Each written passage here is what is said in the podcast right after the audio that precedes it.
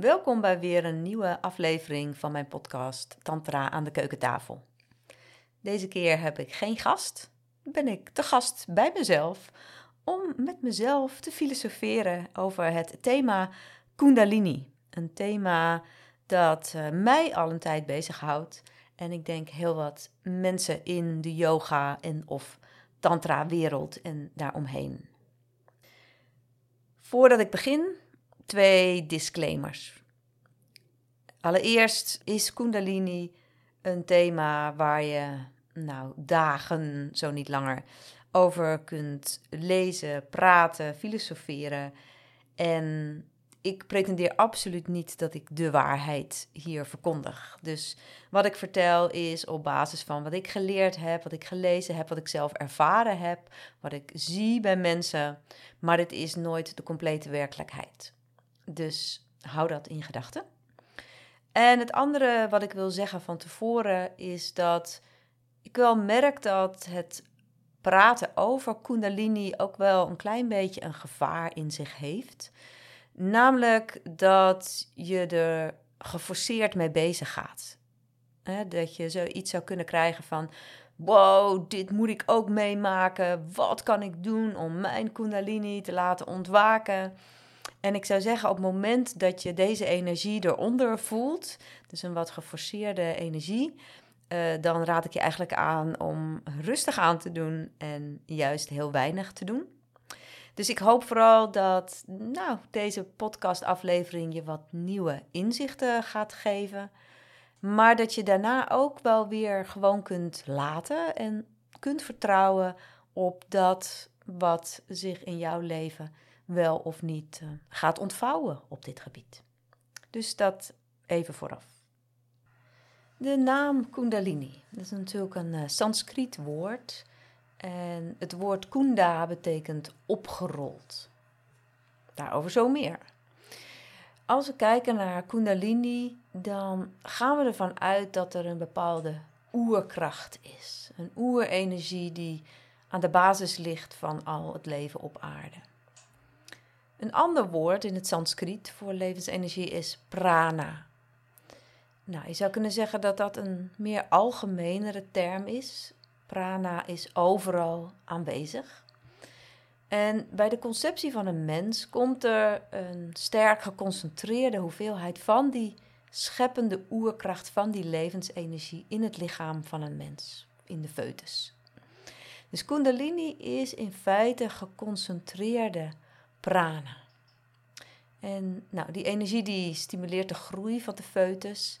En daarna wordt gezegd dat hij zich, hij, zij, meestal wordt gesproken over een zij, dat zij zich daarna oprolt onderaan de ruggengraat of onderin het bekkengebied. Waar het in principe in rust blijft. Je zou kunnen zeggen, sluimerend aanwezig en misschien af en toe even voelbaar. Nou, bij het sterven van een mens, dan verlaat die energie het lichaam weer en keert als het ware terug naar ja, het universele veld, zullen we maar zeggen. Maar als de energie, uh, die kundalini, zich tijdens het leven opent en in beweging komt, dan wordt dat kundalini ontwaken genoemd. En hoewel kundalini dus niet letterlijk uh, slang betekent, wordt zeg maar wel die associatie vaak gemaakt. dat als je een, een slapende slang hebt die opgerold ligt en dan zo'n slangenbezweerder erbij en die slang die zich dan opricht en omhoog komt, dat beeld wordt wel vaak ook gebruikt voor de kundalini. Nou, in feite gaat het dus om natuurlijke levensenergie waar in feite ieder mens toegang toe kan hebben. En toch ontwaakt het niet in ieder mens. En we zien hier uh, dat het niet losstaat van het spirituele ontwaken. Dat is iets wat ik mijzelf lange tijd niet zo gerealiseerd had. Ik dacht, nou ja, lekker, we hebben de kundalini en dan doen we die armring en tantra meditaties en lichaamswerk. En dan gaat die, die kundalini gewoon lekker stromen en dan kan ik nog meer van het leven gaan genieten en de seks wordt ook fijner. En dat is allemaal waar, maar dat is toch maar een deel van het verhaal. dat, het is heel erg jammer en ja, in Tantra ook gewoon niet waardevol als je dat hele Kundalini-ontwaken alleen maar ziet als iets fysieks, energetisch, wat alleen maar meer plezier geeft in het leven. En daar zit zelfs ook een gevaar in, want ja, stel dat iemand zo'n krachtige energie in zichzelf ontwikkelt, maar ondertussen helemaal niet in tune is met zijn of haar hart, met zijn of haar essentie, dan kan dat ook ander soort, ja, meer verwoestende gevolgen hebben. Dus dat is een heel belangrijk inzicht dat dat fysiek-energetische proces van Kundalini ontwaken, wat heel erg dus in het lichaam voelbaar is, dat dat niet losstaat van het spirituele ontwaken. Het proces van zelfrealisatie, het inzicht in de ego-strategieën, het, het loslaten van de identificatie met je zelfbeelden en steeds meer eenheid en verbondenheid gaan ervaren in plaats van jezelf als een, een afgescheiden ik te ervaren. Nou, Kundalini is een term die dus uh, gebruikt wordt in onder andere yoga en tantra. Uh, maar er zijn ook genoeg spirituele stromingen waar het niet zo benoemd wordt. Nou, het kan dat dit onderdeel van het bestaan ook helemaal niet uh, erkend wordt in een, een stroming. Het kan ook dat de nadruk er gewoon minder op ligt. dus de Advaita, de Zen, de Dzogchen, die leggen meer nadruk op het ontwaken van bewustzijn en minder of niet op nou, het Kundalini-energie-aspect. En um, dit kan samenhangen met de mate waarin het wereldse, zal ik maar zeggen, in een spirituele visie ook een plek heeft. dus er zijn spirituele visies die ja, erg de nadruk dus leggen op het ontwaken van bewustzijn, het transcendente, het overstijgen van het lichamelijke en het wereldse. En daar kan bijvoorbeeld bij horen dat iemand celibatair leeft of zich terugtrekt in een klooster en ja, niet in een relatie is en misschien ook geen werk heeft of betaald werk. En Tantra is dan toch echt typisch een traditie uh, waarin dat anders is. Hè? Waarin ja, het gaat over het overstijgen van uh, de identificatie met de persoonlijkheid. Dus ook een stukje transcendentie. Maar tegelijkertijd de uitnodiging uh, heel erg om al die spirituele inzichten mee te nemen in je dagelijks leven op aarde, in de wereld, in je werk, in de relaties, in een gezin, in seksualiteit. dus dat ook op aarde zijn met die hele spirituele bagage, dat is echt typisch Tantra. Dus je zou kunnen zeggen, in Tantra erkennen we dus de Shiva, het bewustzijn, het ontwaken van het bewustzijn en de Shakti, dus de Kundalini, het energetische stuk. Die mogen allebei wakker worden en die beïnvloeden elkaar ook over en weer. En als het alleen maar Shakti is en alleen maar fysiek-energetisch, ja, dan zou ik zeggen, heeft het geen diepgang, geen spirituele diepgang. En noem je het om die reden geen Tantra. Maar als het alleen maar Shiva is en alleen maar over stil bewustzijn gaat en dat hele energetische geen onderdeel is, dan is het ook geen Tantra. Nou, voor ons in het Westen is uh, misschien moeilijk voor te stellen dat Kundalini ook beschreven wordt als de godin. Nou, een mooie uitspraak die ik tegenkwam Kundalini is the goddess moving through your body. En ergens anders kwam ik tegen Kundalini is a teacher to the soul. En dat gaat erover dat Kundalini je heel duidelijk kan wijzen uh, op de dingen die nog geheeld willen worden in jouw systeem. Daarover zo meer. Want ja, als je nog helemaal niets op dit gebied ervaren hebt, dan denk je misschien, ja, waar gaat dit nou precies over? Hè? Als je Kundalini ontwaakt, uh, wat merk je dan? Nou, als de Kundalini wakker wordt, dan ga je hoogstwaarschijnlijk uh, dingen voelen die je eerder niet voelde. Je wordt je vaak gevoeliger, je wordt vaak gevoeliger voor fijne dingen, voor plezier, voor genot. Hè, dat nou, de energie meer door je lichaam kan stromen. Wat je bijvoorbeeld tijdens het vrije kunt uh, ervaren. Maar het kan ook heel goed dat je gevoeliger voor pijn wordt. En pijn kan ontstaan als er blokkades zijn. Nou hebben we eigenlijk allemaal, bouwen we blokkades op in ons systeem, in ons lichaam, al vrij vroeg in het lichaam. Ja, en die kundalini, die wil die blokkades, voor zover kundalini iets wil natuurlijk, maar van nature heeft hij de neiging om die blokkades op te lossen. En dat is dus fantastisch. Dat is een prachtige, ja, zelfhelende kracht, zou je kunnen zeggen. Maar dat kan ook tijdelijk wel voor meer pijn zorgen. En Kundalini heeft daarin haar eigen wijsheid, die ons bevattingsvermogen te boven gaat. De mensen kunnen allerlei ervaringen hebben en sommige zijn misschien herkenbaar voor jou of ja, bij jezelf of dat je bij anderen hebt gezien.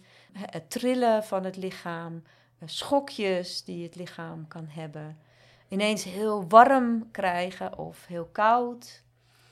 Je lichaam dat spontaan allerlei houdingen gaat aannemen, of je handen die spontaan in allerlei mudra's gaan maken van geluiden of klanken, spontane inzichten krijgen, zwaarte in je hoofd, uh, een tijd heel veel seksuele opwinding of juist uh, helemaal geen behoefte meer daaraan hebben.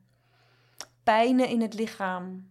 Ja, er zijn eigenlijk ook allerlei symptomen die je misschien dus in eerste instantie, ja, als je het indeelt in fijn en niet fijn, ehm, dat dat in de richting van niet fijn gaat.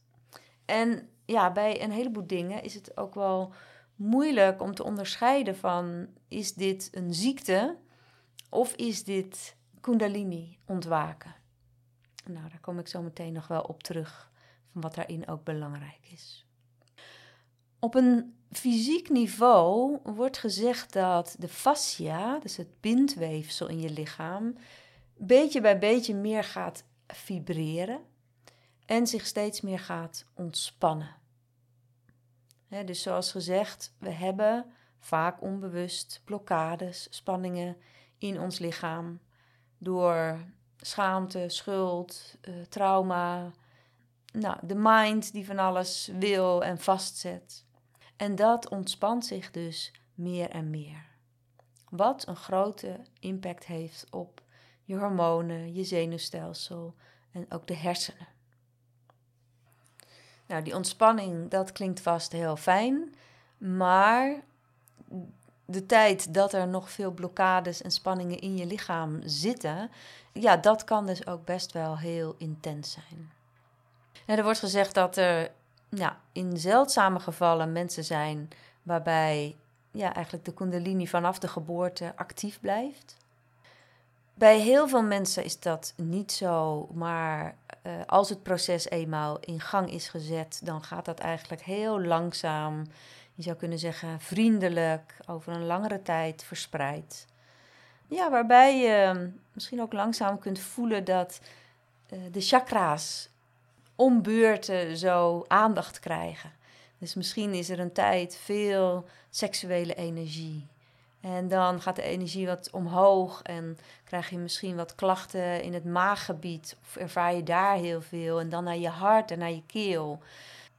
Dus ja, bij veel mensen een traag en vriendelijk proces. Maar er zijn ook mensen waar het meer explosief gebeurt. Het zij helemaal aan het begin dat het ineens heel intens is. Het zij over ook een langere tijd. Ik heb dit zelf niet meegemaakt. Bij mij gaat het tot nu toe heel rustig en beetje bij beetje. Maar er zijn genoeg verhalen en ook boeken met verhalen. Ja, waarin mensen echt enorme intense ervaringen krijgen. Ook langere tijd ziek zijn, veel pijn ervaren. Ja, echt misschien ook wel een beetje van het padje raken. Alsof, nou ja, ze helemaal uit elkaar gescheurd worden, bij wijze van spreken. Dus ja, voor sommige mensen kan er echt een tijd zijn waarin het echt heel pittig is. Maar goed, waar leidt het allemaal toe of waar kan het toe leiden? ja, een wakkere kundalini wordt gezegd dat je ten volste levend bent. Logisch natuurlijk, als die uh, levensenergie ten volste tot bloei komt, dan kan het voelen dat je daarvoor als het ware aan het slaapwandelen bent. En dat je nu aanwezig, levendig, krachtig bent. Met een open en stromend energielichaam, een open hart, vol zelfexpressie, een, een goed ontwikkelde intuïtie, waardoor ook een diepe wijsheid toegankelijk voor je is. Alle chakra's open en in balans. En de verkrampingen, sanskara's noemen ze ook wel in Sanskriet, zijn dan opgelost. En nogmaals, dat is dus niet alleen maar een fysiek-energetisch proces, maar dat gaat samen met een spiritueel ontwaken. Dat proces van zelfrealisatie. En het is ook mooi om dan even te, te snappen, zeg maar, hoe dat met elkaar samenhangt. Want als je jezelf steeds minder gaat ervaren als een afgescheiden ik, dan ga je jezelf steeds meer ervaren als een open ruimte. En dan gaan de energiekanalen als het ware vanzelf meer open. En in die ruimte kan de kundalini, de energie, als vanzelf meer stromen. dus zo werkt dat ook allemaal eh, in elkaar door. Nou, wat, zo wat kenmerken die genoemd worden van mensen waarbij dit uh, ontwaakt is. En ontwaken is dus een proces wat echt ook jaren kan duren. dus dat gaat bij de meeste mensen zo stapje voor stapje. Uh, dat er steeds meer een, een gevoel van eenheid, van één zijn is met alles en iedereen. Met daar ook een, ja, een diepe waardering voor alle aspecten van het leven zonder sterke gehechtheden aan vormen of ervaringen. En dus ja, het moment dat je zou merken van, ja, ik, ik moet nog naar die Kundalini ontwaaksessie en ik, het is heel belangrijk dat ik dat ga doen en uh, dat ik een fantastische blisservaring en die moet ik met iedereen delen. Nou, dan kan je misschien proeven dat daar iets van gehechtheid nog zit. En dat is juist iets wat steeds minder uh, het geval zal zijn. Een diep gevoel van acceptatie en vrede in je leven. En je kunt nog steeds allerlei rollen aannemen, alles wat je nodig hebt om ook te kunnen functioneren in deze wereld, maar zonder daar sterk gehecht aan te zijn. En ook kenmerkend is dat je reactie op de dingen om je heen, die als we heel erg vanuit het ego reageren, nou dan kunnen we de dingen als een trigger ervaren en dan roepen dingen sterke emoties op.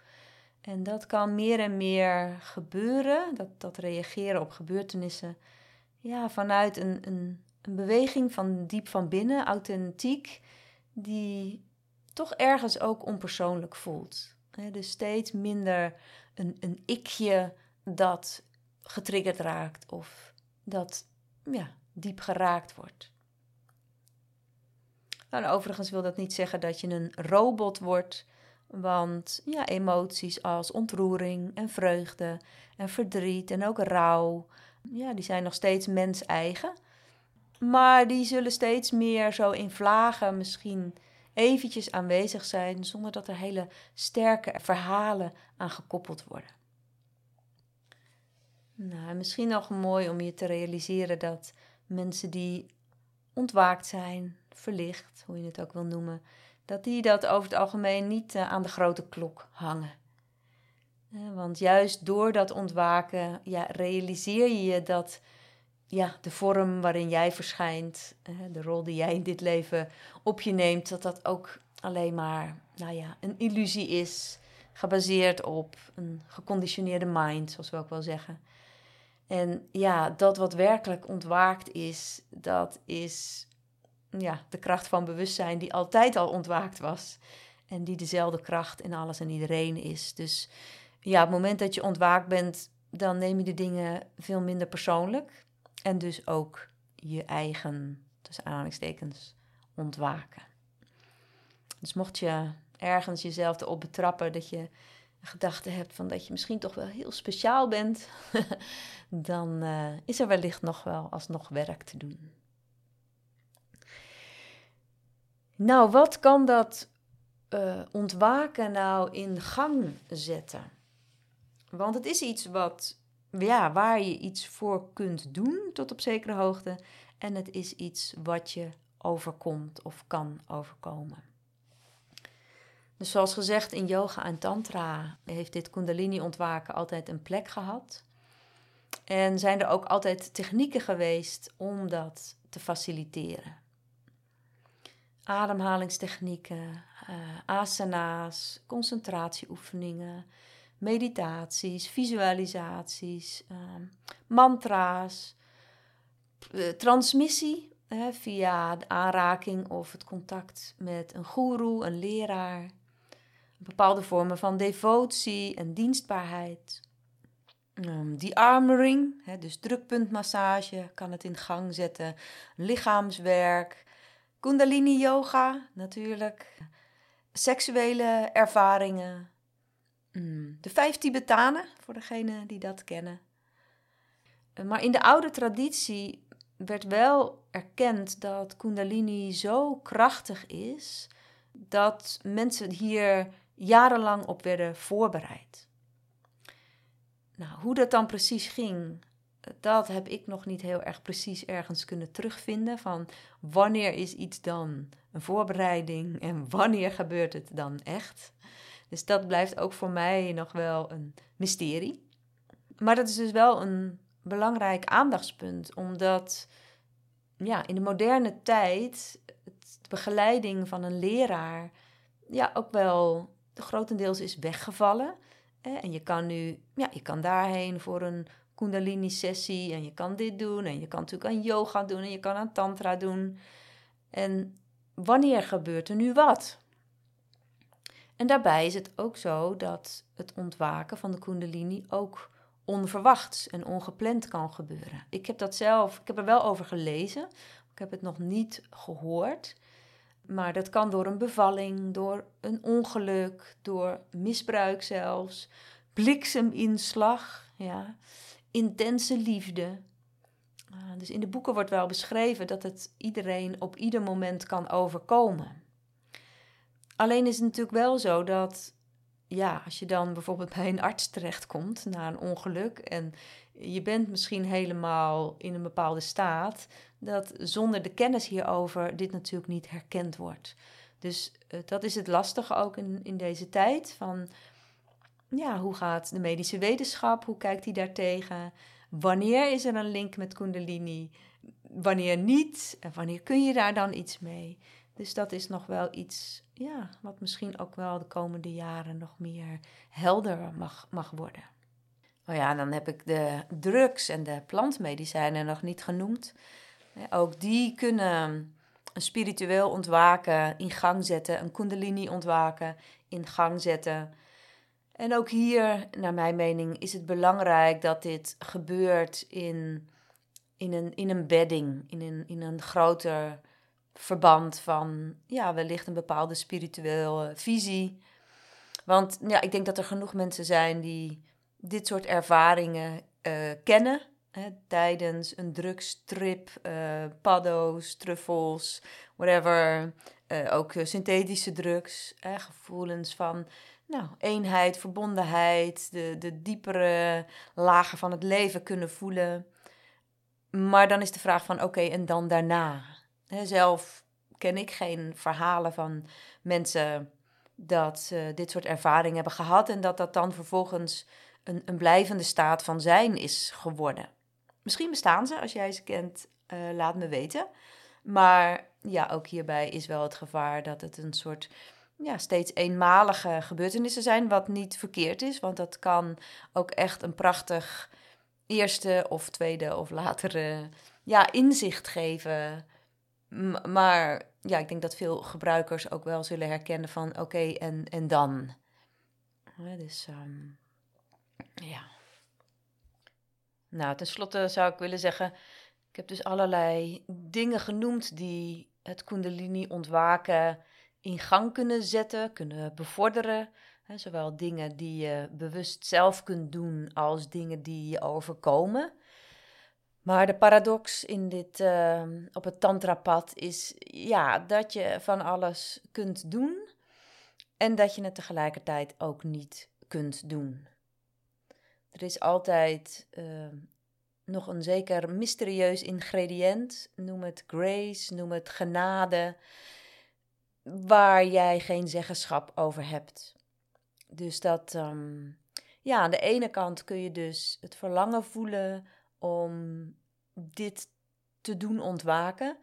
En hopelijk intuïtief te kunnen voelen wat daarin passend voor jou is. En dat te doen.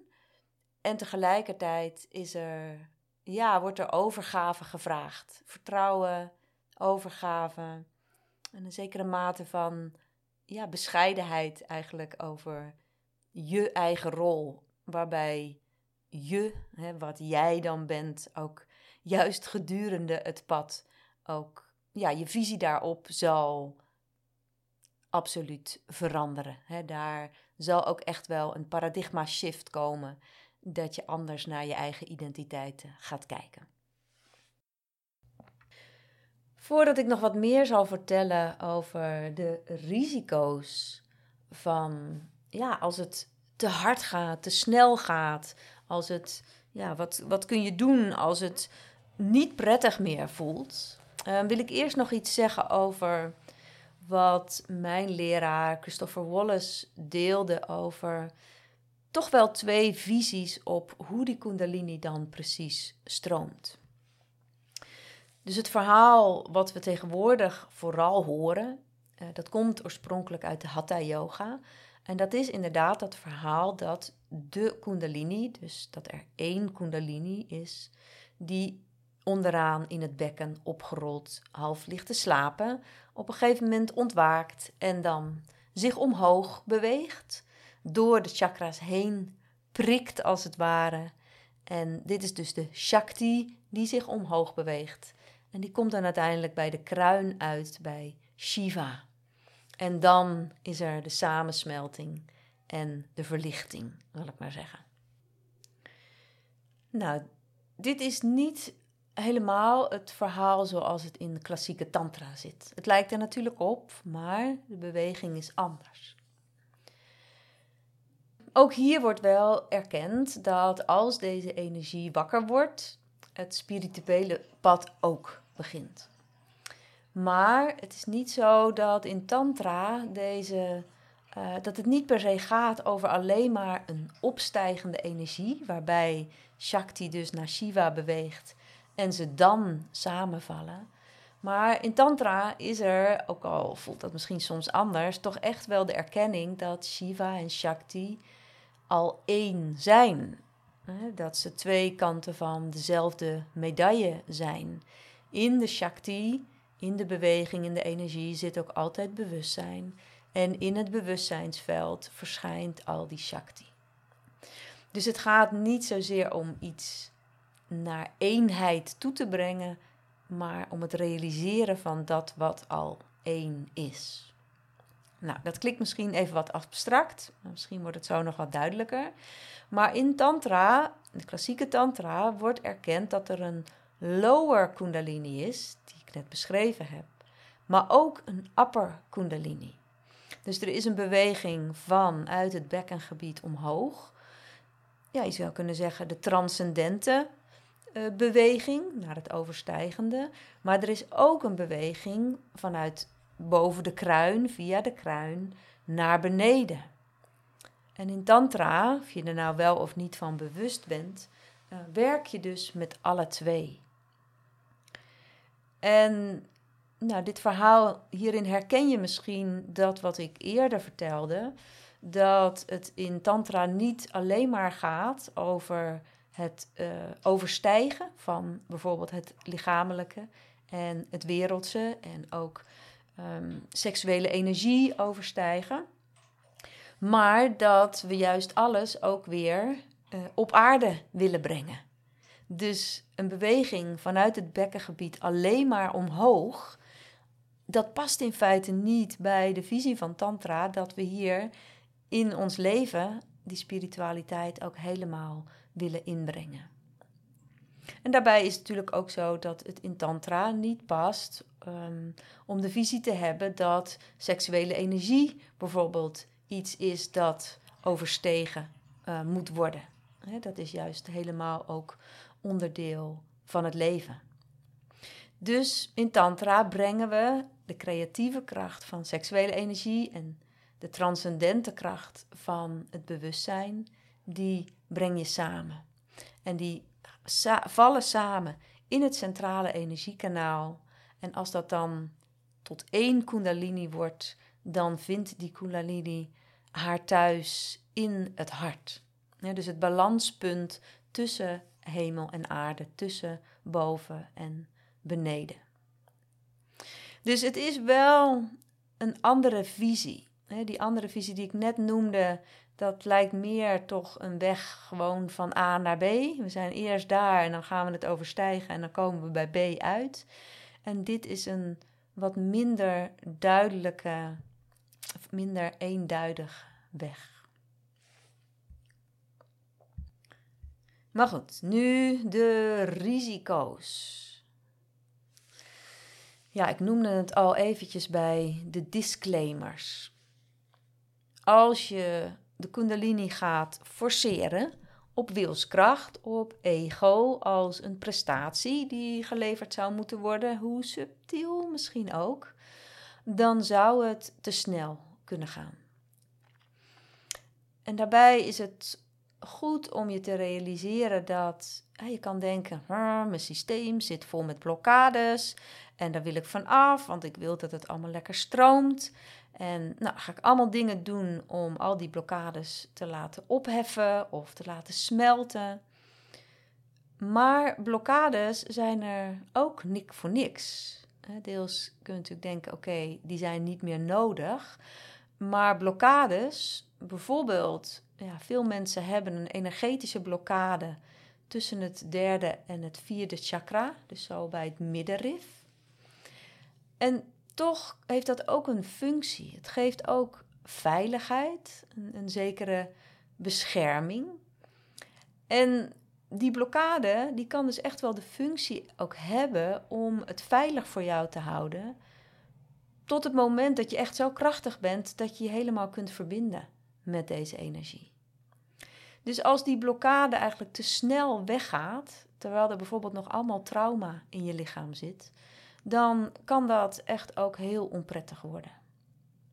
Dus een te vroege, nou, in beweging gaande, hoe zal ik het zeggen, dat de, de Kundalini-energie te snel in beweging komt, is niet per se fijn en wenselijk. Dus het is goed om heel bewust en langzaam en rustig aan te werken met blokkades, te weten dat ze wellicht ook veiligheid geven te weten, inzicht hebben waarom je ze hebt, voordat ze eventueel opgelost hoeven te worden. Een ander risico is als je dus alleen met opwaartse energie werkt. Ehm, ja, dan kan het ook wel dat je soort van uit je lichaam gaat. En in sommige stromingen word je daar wellicht helemaal goed bij begeleid. En ook als je bijvoorbeeld terugtrekt in een klooster en niet allerlei verplichtingen hebt in, ehm, ja, in je dagelijks leven, dan eh, is het mogelijk dat daar misschien meer ruimte voor is. Maar als je hier in het leven staat met werk en verantwoordelijkheden, ja, dan is het heel belangrijk dat je ook goed gegrond blijft. En dat er dus een evenwicht is, een balans met ook weer een neerwaartse beweging. Nou, een risico wat ik al noemde, maar misschien nog even iets verder op in wil gaan, is dat het dus ook echt te snel kan gaan. Te veel kan worden, dat mensen het gevoel hebben dat ze helemaal van het padje raken. En nogmaals, in de traditie werd er, werden mensen er lang op voorbereid. misschien ook een bepaald dieet, een bepaalde vorm van leven, eh, meditatie, eh, technieken. En nu is daar veel minder begeleiding op. dus ehm, ja, het, het, het, het is misschien allemaal hier en daar wat losgeslagener. Wat ehm, niet per se fout hoeft te gaan. Ik zie in ieder geval in mijn trainingen niet veel misgaan. Maar tegelijkertijd mag ik daar ook als begeleider en dienen alle begeleiders op dit vlak hier alert op te zijn. Van hoe gaat het met mensen en wat hebben zij nodig om ehm, ja, dit toch wel in balans ook te brengen. Belangrijk hierbij is dat een gezond en zo stressvrij mogelijk leven met hopelijk een betrouwbare leraar en eenvoudige dagelijkse routines, dus een eenvoudig leven, dat dat wel heel erg het proces vergemakkelijkt. Dus ik zou zeker zeggen dat op het moment dat je weet dat je leefstijl niet al te gezond is, dat je op het moment heel veel stress ervaart, ga dan niet bezig met Kundalini. Focus eerst op het ja, creëren van meer stabiliteit, gezondheid, rust in je leven en kijk wat er dan wil gebeuren. Maar ga dat niet um, combineren. Een ander risico van ja, ook hoe we misschien hier nu in het Westen omgaan met Kundalini. Dat er ook wel heel snel iets groots van gemaakt kan worden, iets spectaculairs. En ehm, ja, dat kan zorgen voor een gehechtheid aan dit soort ervaringen, aan bliss-ervaringen. En gehechtheden, die zijn er nu juist op het spirituele pad om los te gaan laten. Dus dat kan een, een signaal misschien zijn. Ja, en, en hoe meer je uh, het ervaart, beschrijft vanuit ego, van ja, ik heb die ervaring opgedaan, is dat het dus juist je gevoel van een ik, van een afgescheiden ik, kan versterken. En ook dat is nu juist weer niet de clue van het spirituele pad. Dus al met al zou ik zeggen dat het belangrijk is dat je hier niet geforceerd mee bezig gaat. Dat je hierin ontspant, dat je erop vertrouwt dat de dingen op jouw pad komen op het moment dat het jouw tijd is, vertrouwende op de wijsheid van Kundalini. Iets wat voor ons Westelingen, ja, nou, voor veel mensen gewoon moeilijk op in te voelen is. Is er een wijsheid die groter is dan ik, waar ik ehm, me op kan, uh, ja, waar ik op mag vertrouwen. Maar dat ehm, ik denk dat dat wel de fijnste manier is voor jezelf om hier mee om te gaan. Nou, voor mensen die nu of op een later moment voelen van, wacht even, volgens mij zijn er dingen op dit vlak gebeurd, voel ik, weet ik dat de dingen die ik ervaar te maken hebben met Kundalini. Maar het is me ook eigenlijk te veel. Het, het is te intens. Ik, ik raak in de war. Nou, dan zijn er wel een aantal dingen die belangrijk zijn. En het allereerste is gronding. Gronding en aarding. Dus zie het dan toch maar voor je dat de energie gewoon wat te veel omhoog gaat. En dat het aan jou is om te zorgen voor gronding. Wandelen, je voeten masseren, een warm voetenbad, eh, visualisaties waarbij je contact met je voeten de grond maakt. Misschien ook dingen kan afvloeien naar beneden. Dus dat is belangrijk om te doen. Goed eten. Ja. En ik zou zeggen, als, als het echt heel onrustig voelt, dan zijn er misschien ook bepaalde dingen die je even een tijdje niet moet doen. Dus als je hele intense tantra-meditaties doet of kundalini-activaties, dan kan het verstandig zijn om even rust te nemen en daar een tijdje van af te zien. Mocht je natuurlijk specifieke lichamelijke klachten hebben, dan is het wel zo verstandig om ook je huisarts te raadplegen. Naast gronding kan, is goed slapen belangrijk. Nou, dat is misschien makkelijker gezegd dan gedaan, want juist ook slecht slapen kan erbij horen. Een stukje acceptatie is daarin ook fijn, afhankelijk van ja, wat er in jouw leven mogelijk is, hoeveel slaap er echt nodig is. Maar de dingen die ik net bij gronding noemde. Een voetmassage, warme voeten, wandelen voordat je gaat slapen, geen beeldschermen meer.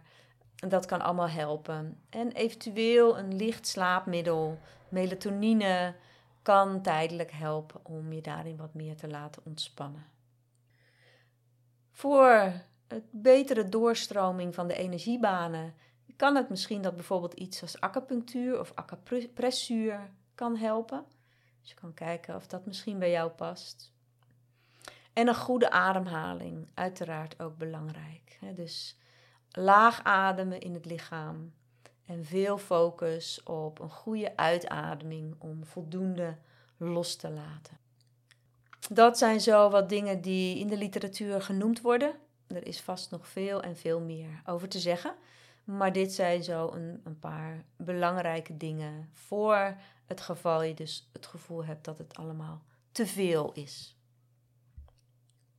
Nou, tot slot ga ik eens kijken naar de vragen die ik over dit onderwerp nog gekregen had. Iemand maakt zich zorgen over alle Kundalini Awakening workshops die er nu gegeven worden. Ja, dat ehm, herken ik. Ik wil daar binnenkort zelf wel eens heen. En ik ben natuurlijk nieuwsgierig ja, binnen welke context dat aangeboden wordt. Hoe de begeleiding is. Ehm, ja, of zoiets gebeurt in een, in een bredere context. Een, een breder spiritueel pad. Zoals ik dat zelf dus bijvoorbeeld wel probeer te bieden. Met name in de intensive waar we ook aan de-armoring doen, drukpuntmassage, iets wat ook de kundalini kan stimuleren. Ehm, maar zelf ben ik er niet zo voor ja, dat je bij wijze van spreken, alsof je even een boodschap gaat doen, even een beetje kundalini-activatie ergens gaat doen, zonder dat dat in een, in, een, in een bredere context gebeurt, waar dus ook aandacht is voor het spiritueel ontwaken. En goed, dat is mijn, uh, mijn visie hierop. Maar ik wil het binnenkort ook wel eens zelf meemaken. Hoe ga je om met iemand die ervan in de war raakt? Ja, ik heb net natuurlijk een aantal dingen genoemd. Nou weet ik niet of je altijd in de positie bent om iemand hierover te adviseren. Maar ja, je zou natuurlijk deze podcast kunnen laten luisteren als mensen openstaan voor deze ideeën. Want er zullen ongetwijfeld ook een heleboel mensen zijn die totaal helemaal niets begrijpen van deze hele podcast. Ehm, maar bijvoorbeeld gronding hè, is dus gewoon uh, belangrijk. Ook misschien even een pauze nemen uh, op het, uh, ja, als het gaat om, om meditaties. dat zijn zo belangrijke dingen. Er is een vraag over de chakra's, dat die één voor één na elkaar zouden zijn ontstaan en terug te leiden zijn naar onze ontwikkelingsfase. Dat herken ik wel. Ja, er zijn beschrijvingen zeker van dat iedere chakra eigenlijk staat voor zeven mensenlevensjaren.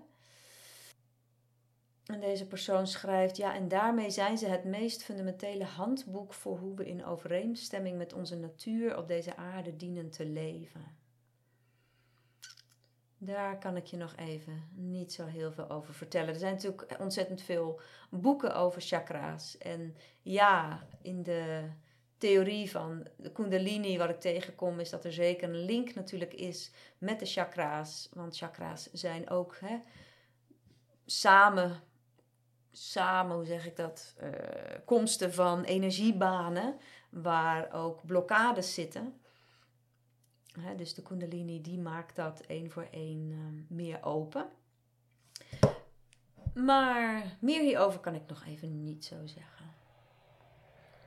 Iemand vraagt ja, hoe je geaard blijft. Ja, dat is dus een kwestie van focus, maar ook focus op je voeten, focus op gezond eten, op buiten zijn, op je voeten masseren. Dat zijn zo wat dingen die je daarin kunt doen. En er zijn natuurlijk ook allerlei ontspanningsoefeningen, grondingsoefeningen die je daarbij kunnen helpen. Ja, een vraag over de oorzaken van het schokken van een lichaam.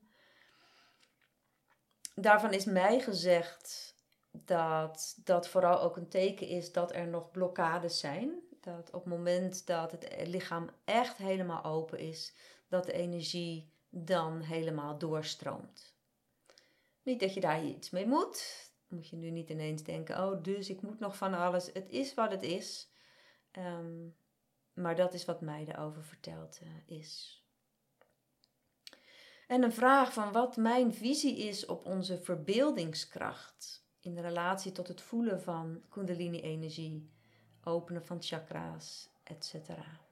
Ja, verbeeldingskracht wordt uh, in de Indiase traditie veel meer gewaardeerd dan in het Westen.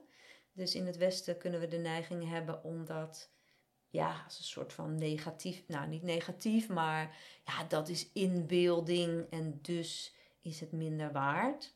Ja, mijn leraar Christopher Wallace zegt altijd: zolang je het niet voelt, visualiseer je het. En dat is in de Indiase traditie net zo waardevol als het uh, voelen. En dus hier zit natuurlijk veel meer een holistische visie achter, dat alles met elkaar samenhangt. Dus als je iets denkt, dan heeft dat een invloed op je lichaam en op je emotie. En zo hangt alles met elkaar samen. Dus ook de kracht van verbeelding, ja, zo noemen wij het dan, verbeelding, uh, van de mind, die, uh, die is wel degelijk heel erg waardevol. En dan vraagt iemand nog van waar deze hype ineens?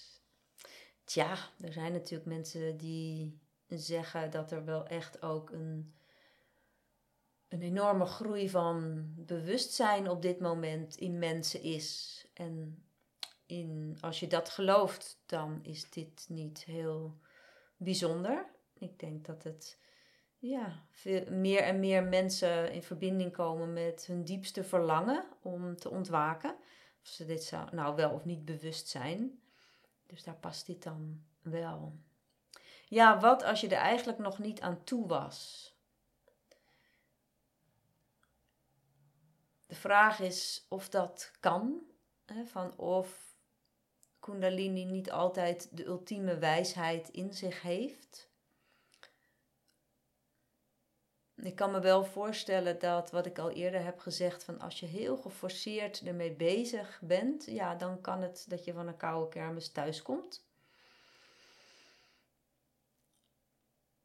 Maar als het bijvoorbeeld door een, een ongeluk komt, of een bevalling of iets anders, uh, zeggen waar je niks aan kon doen, nou, die bevalling had je dan misschien nog uh, ooit iets daarvoor aan kunnen doen. Maar ja, iets wat je gewoon zelf niet gepland hebt en eigenlijk zelf geen actie op ondernomen hebt, dan is het de vraag of het mogelijk is dat je er dan niet aan toe bent.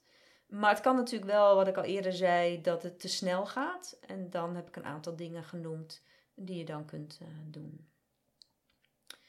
Is het pure seksuele energie of veel meer? Nou, ik noem het levensenergie.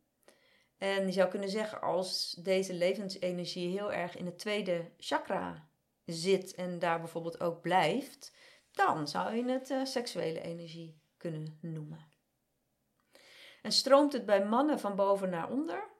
Nou, ik heb, ben niet tegengekomen dat dit bij mannen of bij vrouwen anders zou zijn, maar dus wel dat er wel verschillende visies zijn. Of het alleen maar een opstijgende kracht is of een opstijgende en dalende kracht, allebei. Nou, nog twee laatste vragen. Ja, de basis. Wat is Kundalini-energie? Dat heb ik hopelijk uh, uitgelegd, goed uitgelegd, duidelijk uitgelegd. En er wordt wel gezegd dat Kundalini-energie gevaarlijk en onbeheersbaar zou zijn. In hoeverre is dat waar? Nou, helemaal aan het begin zei ik daar al iets over.